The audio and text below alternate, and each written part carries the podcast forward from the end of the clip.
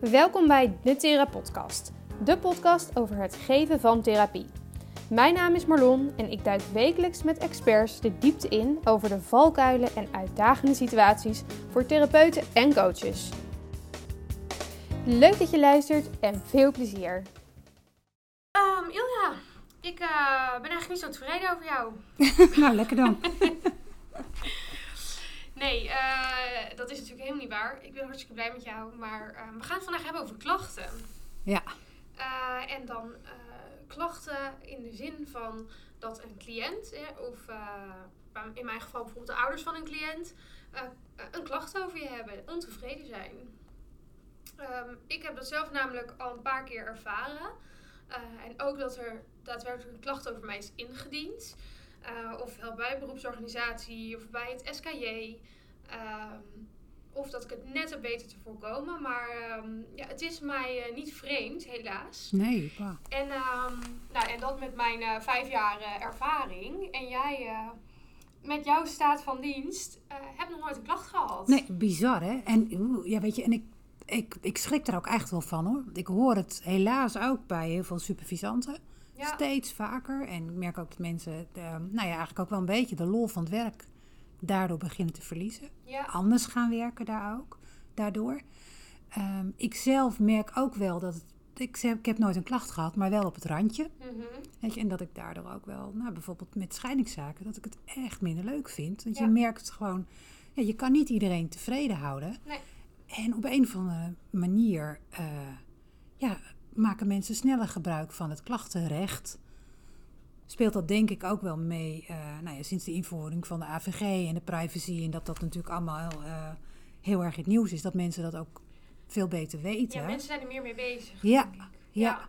Weet je, ik, had dat, ik heb altijd het idee gehad dat als ik goede afspraken maak met mijn cliënten, weet je, van als je uh, niet tevreden bent over mij, vertel het me. Mm -hmm. Hè, dan komen we er samen wel uit. Ik heb ze ook altijd gewezen op het klachtenrecht. Ja. Zover kwam het nooit. En um, wat zou ik daar nou over zeggen? Zo van, nou, weet je, uh, het is altijd zo van, weet je, we komen, we, we hebben het er samen Ja. dan Ja. ook wel over, denk ik. Ja, en als ik iets doe wat niet oké is, zeg dat dan ook gewoon. Maar dat moet ook uh, heel goed kunnen binnen een, een uh, ja, normale therapeutische relatie, denk ik. ik bedoel, ja. we, nou, we hebben natuurlijk deze week eigenlijk daar een heel goed voorbeeld van gehad. Van iemand die uh, iets wat jij zei niet fijn opvatte. Ja. Um, maar um, die dat heeft aangegeven en uh, terug is gekomen. En waarna er gewoon weer een heel fijn gesprek is geweest. Ja, weet je, en ik denk ook dat dat zo moet kunnen. En ik zeg het ook heel vaak, hè, ook in het begin van een gesprek, ook tegen ouders. Van het kan zijn dat ik misschien iets zeg wat je niet zo leuk vindt. Mm -hmm. Maar dat doe ik dan wel in belang uh, van jouw kind. Ja. En daarin hebben we hetzelfde doel. Ja. Maar zeg ik dat omdat ik misschien vanuit een ander blik kijk. Maar het is niet omdat ik jou wil chaufferen. Of weet je, maar wel kijken van hé, maar dit vind ik belangrijk. Ja. ja, je bent er niet om te zeggen wat mensen willen horen. Hè? Je bent nou, er om te zeggen wat ze moeten horen. Ja, precies. En dat mensen dat niet altijd leuk vinden. Ja, weet je, ik vind dat ook niet altijd Ja. even oké. Maar een klacht krijgen, ik heb wel begrepen dat is echt wel heel heftig. Ja, Weet ja je, dat vond ik ook wel. En ik denk dat het goed is om even ehm, een stukje terug te gaan. Eh, dat eh, ik merk in ieder geval bij mij een verschil in soort cliënten. In het eh, vraagstuk van cliënten. ehm, of er wel of niet een klacht komt. Bij alle klachten die ik heb gehad, nu klinkt het echt als honderd. Nou, maar, net zeggen, want, hoe, want even, want hoeveel heb je er gehad dan? Ehm, ik heb er eentje gehad die echt bij het SKJ uh, is behandeld, ook door de, hè, door de commissie. Um, ik heb er um, nou ja, een soort van halve gehad. Eén, uh, één klacht waarvan de arts zei, ik ga nu een klacht indienen bij het SKJ. En waarbij het nog, uh, waarbij ze het uiteindelijk niet gedaan hebben. Hebben gezegd Ja. dat ze het gingen doen, maar het is niet gedaan. of ze het dan wel gedaan hebben en het is niet goed gegaan. Of dat het meteen door het SKJ is afgewezen. Ik weet niet precies wat er is gebeurd, maar... Uh, daar heb ik in ieder geval nooit iets van gehoord. En die andere is uh, net op tijd um, ja, weten te verhelpen. Diegene zei ook, ik ga dat nu doen. Maar we zijn toch nog um, ja, in gesprek gebleven. Niet uh, een, go een, goed gesprek, hè? niet dat we het hebben uitgesproken. Maar diegene heeft uiteindelijk de klacht niet ingediend. Ook omdat ik denk dat diegene wel goed wist dat het niet uh, terecht was. Nee, en diegene okay. was boos. Ja. Ehm, en dat, dat kan, eh, maar die had eigenlijk geen, geen echte gegronde reden. Dus die klacht zou tot niets leiden en diegene wist dat denk ik Ja. al wel. En, en zijn dat dan individuele trajecten geweest? Of zijn dat eigenlijk allemaal zaken die met scheidingen te maken hebben Ja. gehad?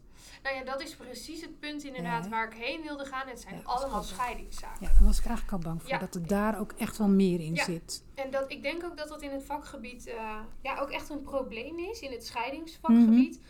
Want inderdaad, als het, als het gaat om individuele trajecten of, of rouw bij overlijden of wat voor zaken dan ook, heb ik nog nooit een klacht gehad. Ja, dat zou echt over ook handelen niet. gaan dan, hè? over Ja. jouw werkwijze Ja. of zo. Precies. Terwijl Over- hier ja. gaat het natuurlijk vaak over eh, nou ja, uiteindelijk uitkomst. uitkomst. Ja, precies. Ja, ja kijk, wat, wat bij scheidingszaken natuurlijk is, dat is eigenlijk heel simpel uit te leggen. Je hebt twee ouders die het vaak niet met elkaar eens zijn. Ehm, in de zaken waarbij, eh, waarbij er klachten zijn geweest, stonden ouders ook echt mijlenver uit elkaar. Ehm, dachten ze vaak, hè. Het is vaak niet zo, maar dat weet, zien ze zelf niet meer. Maar waarbij de een uitkomst A wil en de ander wil uitkomst B. En ik ben dan als kindbehartiger er natuurlijk echt voor het kind. En hoe, hoe duidelijk ik dat ook uitleg aan de voorkant. En hoe duidelijk ik ook eh, dit eigenlijk al voorspel aan ouders. Ze horen wat ze willen horen in het begin. Mhm. Ja, en als ik dan met uitkomst C kom, hè, namelijk wat de kinderen willen, ehm, dan zijn ze of allebei boos, of eh, uitkomst C lijkt een beetje op A en dan is degene die uitkomst B wilde boos. Dus er is altijd iemand boos aan het einde van het traject. Ja. Ja, bijna altijd dan in zo'n conflict situatie. Ehm, ja, en diegene is dan boos en dient een klacht in. En ehm, de klacht bij mij eh, is ook door het SKJ gezegd dat ik niks fout heb gedaan als professional. En eh, is uiteindelijk eh, ook niet ontvankelijk verklaard zelfs. Ehm, maar ja, er, gaat, er gaan maanden overheen, zo'n zo'n traject. Ja. Echt maanden. En ik weet dat het in de zomervakantie was. En ik was ook op vakantie en ik, nou, ik checkte om, de, om het uur checkte ik mijn mail. Als dat, die, die termijn dan op zijn eind loopt waarin de SKJ een uitspraak gaat doen. Om, om te kijken of, of ik al wat wist. Dit houdt je toch bezig. Ook Ja, al wist ik al vanaf het begin, ik heb niks fout gedaan. En je gaat het reflecteren. Je bespreekt het in intervisie. Ik heb toch zelfs nog zo'n eh, moreel... eh, Moreel dilemma. beraad, Oh, ja. moreel, moreel beraad inderdaad heb ik erover gedaan. En ik heb gewoon niets fout gedaan. Ehm, Nee, maar ook al weet je dat je niks fout hebt gedaan, hè, je moet wel zo'n traject in. ja, En, en wie, wie is er dan voor jou? Waar kan je dan terecht?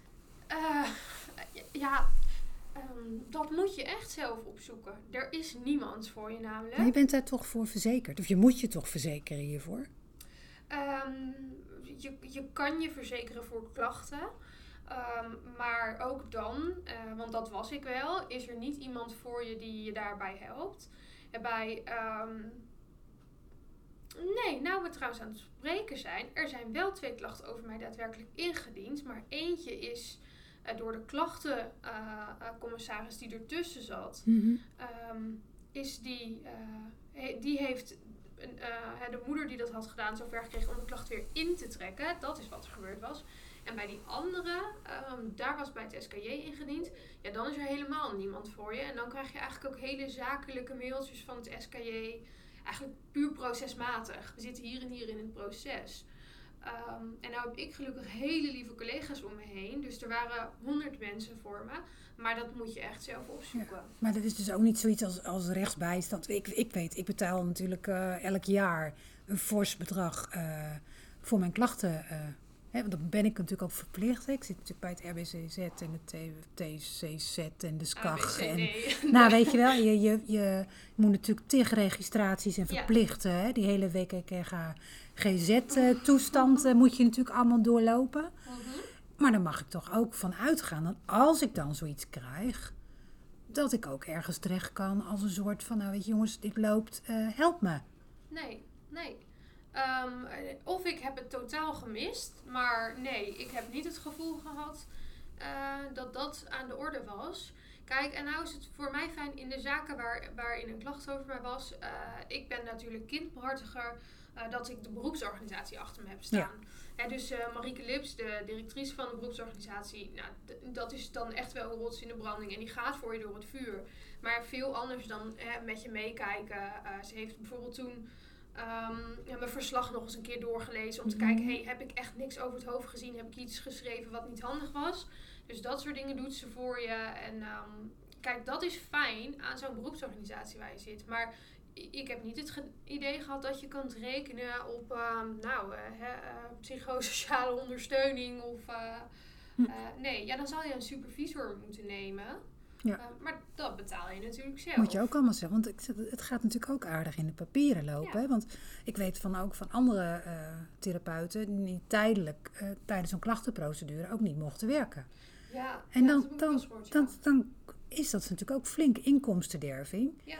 Eh, je, Als je dan eh, zelfstandig bent, dan heb je gewoon een probleem. Ik zou mijn hypotheek dan niet kunnen betalen. Precies. En of soms, hè, dus inderdaad, het, het inhuren van, van een advocaat of weet ik veel wat. Eh, hoe, hoe, hoe- ja, dat gaat je niet in je koude kleren Nee. zitten. Nee, ik, ben, ik heb natuurlijk een rechtsbijstandsverzekering zelf.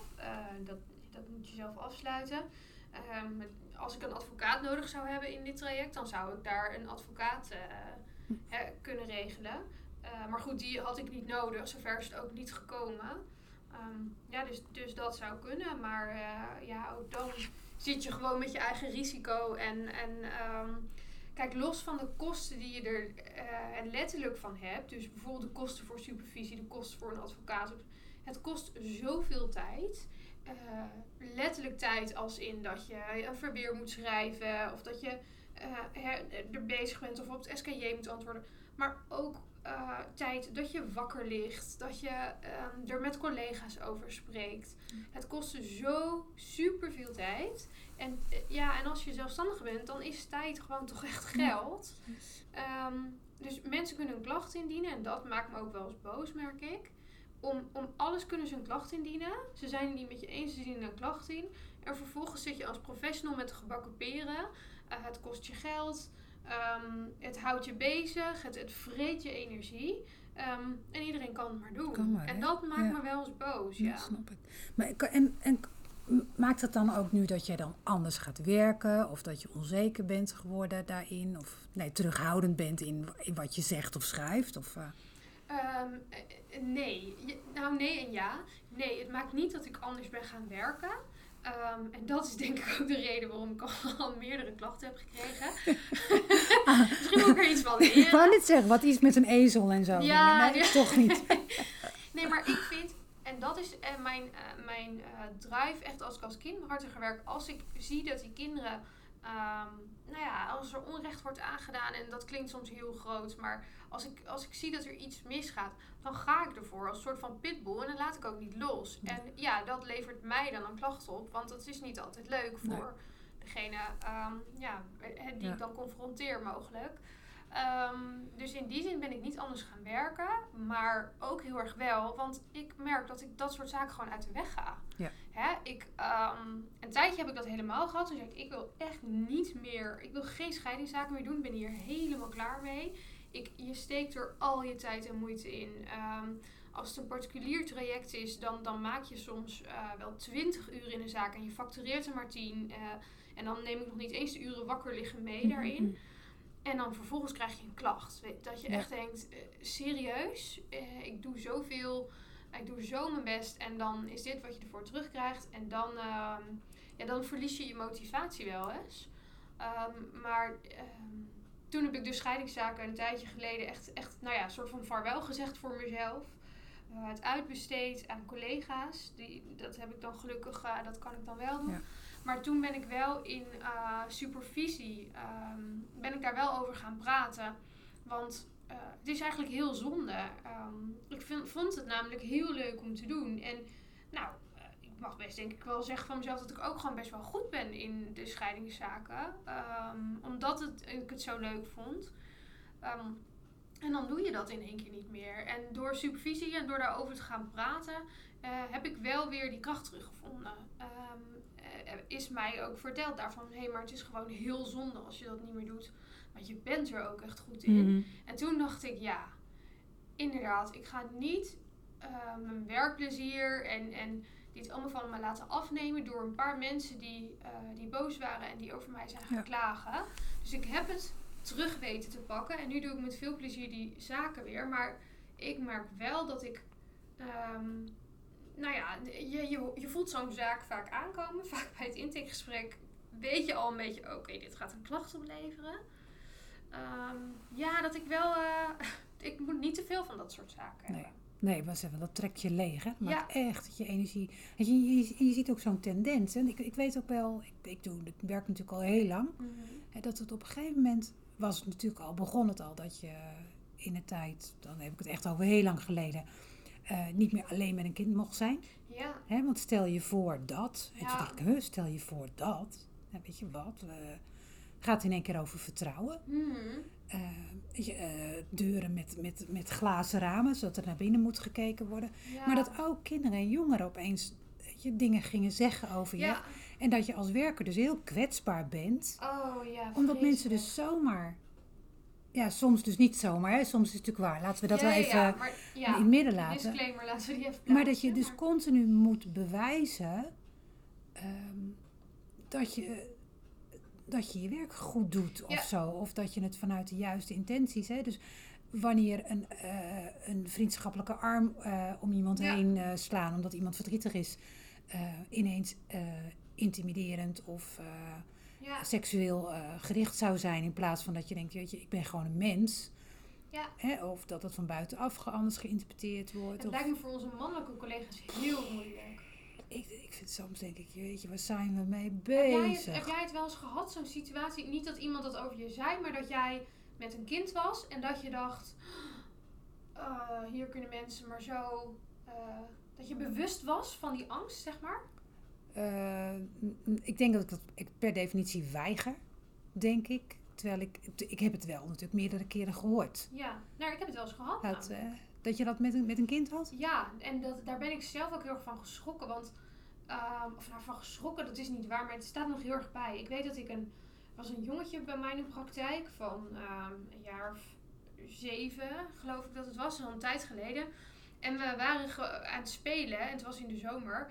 En dat jongetje die gooide ehm, een glas drinken, een glas water, over zichzelf heen. En geen man overboord, maar eh, hij trok gewoon zijn t-shirt uit en hij legde die op de kachel. Ja. En, ehm, en mijn praktijkruimte zat eh, op de begaande grond op een hoek en die had heel veel ramen zo naar de parkeerplaats, zeg maar. En ik merkte dat doordat hij zijn shirt uittrok en die op de kachel legde, eh, ehm, dat ik dacht, oh, ik werd een beetje ongemakkelijk. Ja. Weet je, een kind van zeven die zonder shirt, een jongetje van zeven die zonder shirt bij mij in de praktijk loopt, ja, weet je, boeien. Maar ik werd ongemakkelijk omdat ik dacht, als nu iemand over de parkeerplaats loopt en door het raam kijkt en ziet dat ik met een half, half bloot kind hier zit, Ja. eh, wat, wat, gaat, wat denken ze of wat gaat gebeuren? En toen dacht ik, huh, Wat doe je? waar hè? komen deze gedachten Ja. vandaan? Maar ik Ja. was gewoon ongemakkelijk omdat ik dacht, straks denken mensen en... eh, Ja. Ik vond Nou, het heel dat, en raar. dat, dat hoor ik heel vaak. Dat mensen inderdaad wel zien van, oh, eigenlijk zou ik nu mijn arm om je heen willen slaan. Maar ik doe het niet, want ja. als. Weet je, Ja, dat denk heb ik, ik gelukkig nooit Nee, en ik, en ik ben natuurlijk, ja, maar goed, voor iedereen die, die mij ook kent, weet je gewoon, ik ben natuurlijk wel wat eh, het, moederlijke type, we maar even Mhm. zeggen. Dus het, op een of andere manier voelt dat ook heel natuurlijk. Mhm. En dan heb ik wat dat gaat eh, lak aan wat mensen daarin denken. Omdat als ik vind dat dat nodig is, dan is dat zo. Ja, Maar ik, ik, eh, ik snap dit wel. ja, Weet je, het is natuurlijk wel heel, heel, heel kwetsbaar. Ja. Weet je, want er zijn natuurlijk ook echt wel situaties waar het niet goed gaat. ja. Weet je, ja, laten we heel eerlijk Ja, zijn, hè. En- En ik ben ook dus heel blij met, met, met organisaties, bijvoorbeeld als het AKJ. Ja. Hè, waar waar eh, gezinnen en, en kinderen terecht kunnen. En dat ze daar hun verhaal kunnen. En daar wijs ik mensen ook echt altijd wel op. Ook Ja. omdat ik natuurlijk echt soms ook wel eens verhalen hoor. Dat Ja. ik denk, ja, ik krijg er een beetje buikpijn van. Ja, echt heel veel buikpijn krijgen. Maar ik, ik ben er niet bij. Weet je? Dus dan is, dan is het klachtenrecht wel weer heel erg fijn en goed dat het er is. Ja, Ja, totdat het ja, Ja. eigenlijk onrechtmatig gebruikt wordt. ja, Weet je? En dat het maar een, een, weer een, een smijtmiddel is om eh, nou, of je zin te krijgen of eh, je, je ongenoegen te uiten. ja. Nou ja, dat is, dat is dan echt denk ik het verschil tussen klachten over, nou wat je in het begin zei, hè, jouw, jouw procesmatig functioneren als therapeut, ehm, eh, of ehm, de uitkomst in met name denk ik scheidingszaken. Ik zou zo uit mijn hoofd niet weten of er andere vakgebieden zijn waarin dit heel veel voorkomt. Maar ehm, waarbij ouders je eigenlijk ja, je inzetten eigenlijk als middel. En dat voel ik ook Ja. in dat soort zaken. En daar weiger ik om me voor te laten lenen, om me in te laten zetten als middel. Ja. En ik denk dat omdat ik dat ook pertinent weiger, ehm, eh, en ouders dat dan toch stiekem gehoopt hadden, eh, ja, dat, dat ik dan niet doe wat ze verwachten. En dan ze dan misschien ook wel echt denken dat ze een gegronde reden hebben om een klacht tegen mij in te dienen. Want ik doe niet wat zij hadden verwacht. Ik doe niet wat ik had beloofd in hun ogen misschien. Ehm, maar dat, dat is ook niet rationeel gedacht van ze dan of zo.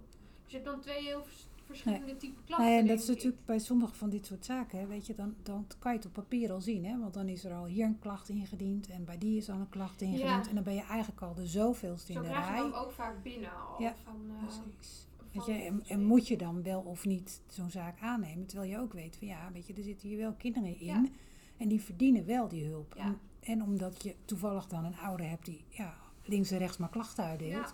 gaan we dan maar niet meer de juiste hulp bieden. Ja, ja terwijl eh, dat soort dossiers, ik heb ook een aantal eh, zaken in mijn caseload waarbij ik eh, hè, ook van tevoren bijvoorbeeld van SAFE te horen heb gekregen van nou, hè, er zit al er is een heel geschiedenis aan hulpverleners, klachten. maar dat ik heel goed met die ouder kan opschieten. Ja. Want sommige ouders, en dat, is, dat wil ik wel echt trouwens erbij zeggen. Sommige hulpverleners, ook in scheidingszaken, die verkloten het gewoon echt. Die kiezen een kant ehm, waarbij een ouder dus terecht wel klachten in moet dienen. Ja. En dan krijg ik ze soms binnen met deze, ik noem maar wat, deze moeder heeft al drie keer een hulpverlener aangeklaagd. Ehm, ja, dat kan me dan afschrikken. Maar in zo'n traject, omdat ik wel heel confronterend en heel direct kan zijn tegen ouders, ehm, weten ze bij mij wel wat ze aan me hebben. Dus ben ik daarin dan toch voorspelbaar misschien. Ja. Ehm, en kan ik een hele goede werkrelatie met ze Ja. opbouwen. En hoor ik soms ook verhalen dat ik denk, ja, maar ik snap dat jij deze klachten hebt ingediend. En als jij het niet had gedaan, dan zou ik het nu Nee. doen, want dit kan Precies. gewoon niet. Nou, en dat zijn dan de zaken waarvan ik denk, weet je, dan ben je dus niet gehoord. En Nee. als je niet naar me luistert, ga ik harder schreeuwen. Ja, En als je dan nog niet luistert, dan ga ik krijzen. Weet je, dat zijn denk ik, ja, maar wacht, dan, hoe ver moet iemand gaan om gehoord te worden? Ja. Weet je, en serieus genomen te worden? ja, En soms is het, ja, heel, dat ben ik helemaal met je eens hoor. Dan soms is dat echt heel van, oh, wacht eventjes, hier gebeuren echt dingen Ja. die niet oké zijn. En eh, ja, weet je, en dat zegt ook niks over de werkers, maar soms ook wel, soms over ja, onervarenheid, eh, weet je, eh, een bepaald perspectief Mhm. of een, een kader waarin ze vastzitten. Weet je, dat, ja, dat, het kan natuurlijk van alles zijn, ja. Maar dat, ja, weet je, een nieuwe ronde, nieuwe kansen. Ja. Kijk, en ik kan me ook best voorstellen dat ik een keer een klacht zou krijgen die eh, wel ontvankelijk verklaard wordt omdat ik iets fout heb gedaan. Ik bedoel, dat, dat kan. Ik, dat, dat is. eh, ik ben ook maar een mens. Ja. Ehm, eh, maar ja, ik weet niet of dat naïviteit is, maar ik kan me niet voorstellen dat ik een klacht zou krijgen over iets wat ik zou doen. Eh, waardoor ik echt uit mijn functie gezet word of zo. Nee. Maar goed, ik, ik hoor de situaties wel om me zeggen, heen. Van, Het is wel iets van- om, waar mensen bang voor zijn natuurlijk. ja. Ja. ja. en daar ben ik dus niet bang voor Nee. daarin. Dus als Nee. iemand over mij klaagt, dan denk ik, ik, weet je, ik, ik stem zoveel af met mijn collega's. Dus ik zou ook nooit echt zo'n eenpitter willen zijn. Hè? Ook al heb ik een eenmanszaak, maar eh, dat, je, dat je een praktijk aan huis hebt en dat je alles zelf doet, dat, dat zou ik niet willen. Want ik heb dat, dat afstemmen nodig met collega's. Ik vroeg intervisie, supervisie vind ik vooral. eh, supervisie zou ik dan echt eh, ja, iedereen aanraden daarin. Ehm, maar doordat ik dat heel actief doe, weet ik, ik, ik heb niks fout gedaan. Dus Ja. als je klaagt, oké, het is heel vervelend. Het kost me tijd, het kost me energie. Maar ik ben niet bang eh, dat ik een van de berisping Nee. krijg. nee. Nee. nee En wat, en wat zou je dan nu aan de, aan de voorkant kunnen doen hè, om, om, nou ja, om dit te voorkomen? Nou, jij bent natuurlijk nog en hartstikke jong, dus je Hmm. moet dit nog heel lang doen en, Ja. en niet, niet erop leeg te lopen. Nee. Ja. ehm, kijk, ik, ik heb een tijdje geleden gezegd voordat eh, nou ja, dat ik weer een beetje hiermee goed kon dealen. Maar we hebben dan eh, een, dossierkast en hadden we dan groene dossiers en dat waren heftige scheidingszaken. en dan zei ik van, ik wil niet te veel groen in mijn kast. Nee. Max drie of zo. Hè, maar dat is natuurlijk, dat is ervoor weglopen. Ja. Ehm, en dat werkt uiteindelijk En dat wil niet zeggen dat alleen de groene eh, de klachten zijn. Soms komen ze uit onverwachte hoek. Hè? Ja, Ja. Ja, dat klopt inderdaad. Dat heb ik ook één keer gehad. Ja, daar heb je gelijk in. Ehm, nee, maar ehm, ja, wat, zou ik, wat zou ik kunnen doen? Kijk, misschien gewoon wel nog duidelijker bespreken aan de voorkant. Ehm, dat je echt die verwachtingen heel scherp hebt. Dat je ook gedurende het proces heel alert bent op dat je niet toch in een bepaald gesprek te veel met mensen meepraat. Ehm, dat, dat is wel een ding wat ik lastig vind. eh, omdat je je empathie ook heel erg moet doseren in gesprekken. Mhm. Eh, terwijl het is toch heel menselijk en ook als therapeut om iemand vertelt een verhaal en dat, eh, hè, dat, dat raakt je. En dat, voor, om een goed gesprek te hebben en een veilige setting te creëren, heb je empathie nodig. Ehm, dus ik denk jij daar gewoon heel alert op zijn. Ehm, en aan de andere kant, ik weet niet of je het echt kan, kan voorkomen. Nee, hè, niet helemaal. Dat Nee, denk ik ook niet. Niet helemaal. En je moet aan de voorkant al zoveel vertellen. Hè? En- Het is altijd een kennismakingsgesprek waar, met 100 disclaimers van eh, eh, eh, meldcode, ehm, de, de klachten, de dingen. Dit. Ja. Daar, daar moet je dan zoveel tijd aan besteden dat je. Ja, wat bespreek dat jij tijdens intake, je klachtenprocedure? Nee. Nee, ik stuur het eigenlijk. Ik stuur het altijd mee als bijlage. Ja. Dan denk ik, weet je, ik, ik let wel, want ik heb zo'n klachtenformulier of in ieder geval een, een Mm. format hè, van hoe het werkt. Dus Ja. dat, dat stuur ik altijd mee met het intakeformulier, dus dat het er is. En ik vraag of ze dat ontvangen hebben. Ja. Zo check ik het eigenlijk altijd. Maar ja, dan hoop ik eigenlijk daarmee dat het genoeg is. Ja. ja, met individuele eh, trajecten inderdaad doe ik dat ook. Die stuur ik ook mee, die wordt altijd ondertekend. Maar als ik dan denk aan kinderhartigerszaken, ehm daar staat het ook in de overeenkomst wel. Het Ja. staat wel in de overeenkomst, dus ze, kun, ze kunnen het weten. Maar goed, de vraag is dan hoeveel resoneert er in zo'n gesprek waar er zoveel op je afkomt, ook als ouders zijnde. Ehm, en ik bespreek natuurlijk wel hè, van dit en dit zou een mogelijke uitkomst kunnen zijn. Maar dat gaf ik aan het begin ook al aan. Ik denk dat ze ook horen op dat moment wat ze willen horen. En Ehm, eh, sommige mensen hebben gewoon een verborgen agenda. En ehm, als ze bij mij komen, dat is echt zo. Ze zeggen dat ze eh, willen weten wat de mening is van een kind. Maar eigenlijk willen ze niet weten wat de mening is. Maar ze willen dat ik op papier zet dat, eh, weet ik veel wat, die en die mishandelt. Of Ja.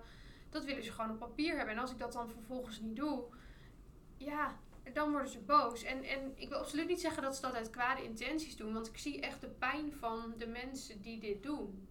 Ehm, maar het helpt niet. Nee. Dus eigenlijk, weet je, je kan niet meer zijn dan duidelijk dat Nee. dit mogelijk een uitkomst kan zijn Ja. die niet is wat iemand had verwacht. Ja, En als iemand wil klagen, wijs hem de weg. ja. Denk ik dan altijd Ja, maar hoor. Ik zeg het ook altijd ook hoor. Dan, en daarmee haal je volgens mij al meestal de druk uit de lucht. Ja, Door te zeggen, weet je, om mee te bewegen. ja. Nou ja, en wat ik gewoon veel zie met eh, de mensen die klagen dan in scheidingszaken... is een onderdeel van een klachtenriedeltje die je afloopt... is dat er een gesprek komt tussen eh, de, de klager en jou als professional. En dat eh, bij alle klachten waarbij het bij mij zo was... de klager dat gesprek helemaal niet aan wilde gaan. Nee. Die wilde nou ja, eigenlijk zijn gal Ja, spuwen. je, maar dat is en klagen om het klagen. worden. Ja, maar en dat, dat, gesprek eh, zeiden ze allemaal nee tegen. En ehm, ja, kijk, dan, dan kun je er ook niet meer uitkomen samen. Maar dan lijkt het mij. Ik ben natuurlijk niet iemand van de klachtenprocedure. Mhm. Maar dat lijkt me toch een eerste vraag bij zo'n bureau die zegt: Heeft u geprobeerd er samen uit te komen? En als dat gesprek dan al niet geweest is, dan ben je toch snel klaar. Ja, nou dat gesprek inderdaad. En dat gesprek moet er dan alsnog komen. Hè. Dat moet dan zo'n klachtencommissaris moet dat dan voorstellen. En ehm, nou ja, we- dan is de vraag, hè, dat is natuurlijk vaak zo bij een klacht. Wat is het doel van de klager? Ehm, en bijvoorbeeld bij een van mijn eh, klachten was het doel van diegene uiteindelijk om. ehm, ik had een verslag gemaakt en dat, die, ze had een klacht dan ingediend. En als ik dan nou ja, in, dat, in die klacht eigenlijk sorry zou zeggen, dan zou ik daarmee eigenlijk ook aantonen dat het verslag wat ik had gemaakt, dat die ook niet klopte. Want ze was niet eens met de uitkomst. Hè, en als eh, ja, dat dan een manier is om dat af te dwingen, ja, dat, dat wordt het een soort van spelletje. Ehm, dus ja, ook- er kunnen zoveel redenen zitten achter Ja. een klacht. En ik ben daar ook niet in meegegaan. Eh dat was wel grappig, want die klachtencommissaris die adviseerde me nog om misschien er wel even in mee te gaan. Want was Oh ik ja. ervan af. Ja, van dat die is ook klacht. zo. Dat ja, heb je toen tijdje geleden. Ja. Zei ik, ja, dat ga ik echt niet doen. Nee. Ik sta 100% achter, deze, achter dit verslag. En eh, dat durfde ik ook te zeggen, omdat ik die dus hè, had nalaten lezen door collega's, door twee collega's zelfs, die echt zeker wilde weten dat ik het niet verkeerd zag. Ehm, Ja. En dit zijn natuurlijk ook echt wel goede supervisievragen. Hè? ja, Zo ook om daar gewoon echt van bij jezelf te raden te gaan. Hè? Van wat, wat zijn mijn onderliggende waarden? Hè? Wat heb ik die Ja. daar ergens verborgen ingestapt? Hoe heb ik dat gedaan? Weet je, om gewoon inderdaad in, in jezelf te geloven en in je eigen kracht te staan. Van, Ja. ja, weet je, ik ben gewoon zuiver. ja, En ik kan gewoon verantwoorden wat ik heb gedaan. ja, Weet je, en ik, ja, dat helpt echt hoor, als je dat kan. Ja, ja. nee, dat geloof ik ook. Ja. En Ik, ik zou wel schrikken als iemand zegt, geef maar toe. Hè? Weet je, waarom eh, doen alsof je een dader bent? ja. Terwijl je helemaal niks gedaan hebt. Ja, het is een soort gek. van schrikken. Hè? Ja. Je, je eh, eh, plead guilty om dan maar hè, voor een mogelijke hogere straf af te zijn. Ja, dat Nee. ga ik niet doen. Nou dan, En met name omdat ik dan het kind niet help bij het intrekken van mijn verslag. nee. En dat betekent dus ook dat dus eh, onterecht klagen, klachten indienen, hel- helpend zou zijn. Ja, precies. Dat, ja. was, hè, dat, dat moet zeker, ik denk wel, je. En, mag ik, zou jij het heel gek vinden, hè? want nu kost het eh, vaak eh, de therapeuten heel veel geld. ja. Als cliënten ook moeten betalen voor het indienen van klachten. Nee, ik zou het heel goed vinden als het een beetje gaat zoals in de rechtszaal. Hè? Dus dat eh, een cliënt bijvoorbeeld een kleine bijdrage moet betalen ehm, om te klagen. En dat bedoel ik echt heel klein. Ehm, en dat dan, eh, wanneer diegene ongelijk krijgt, wanneer het echt een onterechte klacht is, dat de kosten van de klachtenprocedure, eh, dat die voor rekening van de cliënt komen. En niet Ja. voor de rekening van de Nee. therapeut. Want dat is wat, het nu, Nou ja, wat nu gebeurt. Want ik, ergens wil je, ik wil die drempel niet te hoog maken om te klagen. Want ik vind mensen hebben echt recht om te klagen. Maar Ja, dat klagen om het klagen zou ik toch wel ergens willen dat dat stopt. Omdat ik zie dat er gewoon collega's onderuit gaan. Ja. En dat mensen echt stoppen met werken omdat ze het Ja. gewoon... En zeker in scheidingszaken. Weet je, ik ook. Ik, ik heb, ja, de lol is mij ook wel een beetje vergaan. En daardoor laat voor je gevoel wel kinderen in de steek. Ja. En dat is Ja, het laatste wat je, je, wil. moet je nagaan dat je een, een traject doet wa- wat jou een, een eh, 500 euro oplevert als therapeut. Hè? Dat is dan de factuur richting ouders, 500 euro. Ehm, als die ouders een klacht indienen en het gaat lopen en er zitten wat uren in, dan ben je die 500 euro makkelijk kwijt. Dan ga je er overheen. weg? Dus uiteindelijk heb je dan al je uren gewerkt, ehm, maar kom je on- onder de streep in de min uit. Ja, dat moet toch Nee. niet kunnen, vind ik. En dan, moet je de, en, dan, en dan ben je verzekerd. Voor dat geld ben je niet Niet, hè? verzekerd. Dat krijg je er nooit nee, uit. dat krijg Nee. je er niet uit. Nee, Nee. Ja. Nou, lekker dan. Ja. Leuke aflevering. Ja, gezellig. Nee, maar weet je, het, ehm, kijk, laten we het goed afsluiten. Want ehm, kijk, mij is dit natuurlijk dan, eh, dan iets van drie keer overkomen. En ehm, ik vind ook dat, daarom vind ik het belangrijk ook om dit te bespreken, dat dit uit de taboesfeer moet komen. Ja. En ehm, ik had toen een tijd geleden al, toen het allemaal gaande was, voor de derde keer op mijn Instagram wat dingen over geplaatst. En ik merkte dat heel veel mensen, heel veel collega's heel blij waren met mijn... ja, met mijn uitingen daarover en dat ik er open over was, omdat het zoveel gebeurt en het maakt je onzeker. Ja. En ehm, ja, ik heb drie klachten gehad. Ben ik dan een slechte therapeut? Ben ik een slechte kindbehartiger? Als je het misschien plat zou zien, zou je denken, nou, daar zou ik mijn kinderen niet heen sturen. Maar toch vind ik dat dit uit het taboesfeer moet komen, omdat het zoveel gebeurt. Ehm, dus ik spreek me erover uit met het risico dat mensen denken dat ik een slechte Nou, ik zou... professional eh, ben. Ja, ja. Dat, dat, Ja. weet je, dat is dan maar zo. Nee, ik denk dat je moet Ah. omdenken. Het feit dat jij dus zoveel klachten hebt gehad, wil dus ook zeggen dat jij je durft uit te spreken en dat je gaat staan voor waar je, Ja. waar je bent. En dat je niet aan de kant gaat. Ja. In, zeker in scheidingszaken. Ja, ja, vind ik ook. En zo zie ik het. En ik denk dat alle collega's het ook wel zo zouden zien. Maar toen ik dit op Instagram zette, toen was er één iemand die zei... Marlon, je moet dit heel snel van je Instagram afhalen. Het was niet Heerlijk. een, niet een collega, gewoon iemand die ik ken. En die zei, want ik, ik eh, luister dit. Het was een filmpje die ik had ingesproken. En het was tenenkrommend. Ik kan die niet aanhoren. Ik denk echt alleen maar, je gooit je hele carrière... hè, dat is een beetje de boodschap. Want wat denken mensen wel niet als ze dit van je horen? Dit moet je echt niet online zetten. En Nee. eh, hoewel ik heel veel positieve reacties had gehad, ehm, deed die reactie me toch wat. Ja, en toen heb ik het verwijderd, want ik kon, ik kon niet slapen s'avonds. Ik dacht, ja, shit, shit. Eh, is dit nou zo? Ehm, dus toen heb ik het verwijderd. En meteen die week daarna kreeg ik heel veel berichtjes van mensen die zeiden: Oh, Marlon, je filmpje is weg. Want ik had hem opgeslagen omdat ik hem later nog wilde kijken, maar hij is weg. Nee. Ehm, Maar wat, wat, ik vind het echt wel heel jammer. Zeker, want eh, jij, kan, ik, dit, jij maakt het juist bespreekbaar met Ja. je Instagram. Want als mensen dat willen weten, het staat overal geregistreerd. Ja. Je kunt iedereen die eh, een klacht heeft gehad, kan je Ja. terugvinden. Ja. Het staat openbaar. Ja. Dus het, zit, het hangt niet aan je naam. En ik denk juist dat jij, ja, super tof. Ik denk dat je heel veel collega's eh, daarmee een hart onder de riem steekt. Dat laten we, weet je jongens, dit gebeurt gewoon. Dit is, eh, dit is het nieuwe hulpverlenen. En hier hebben we gewoon mee te dealen. ja, Weet je, en eh, door je daar denk ik in te bundelen en je daar ook in te harden en te laten weten van hé, hey, hier moeten we mee omgaan. En er zijn mogelijkheden om dat ook samen te doen. ja, Eh, ja, geef je ook een tegenbeweging. ja, En kan je ook naar ouders die dus dat van plan zijn of cliënten die dit van plan zijn ook een duidelijke boodschap geven. Jongens, eh, klaag als er iets te klagen valt. Als ik Ja. serieus iets gedaan heb wat niet oké is, doe dat vooral. ja. Want dan kunnen we samen van leren. mhm. Maar misbruik het niet, Nee. want dan ben je aan het verkeerde adres. Klopt. Klopt.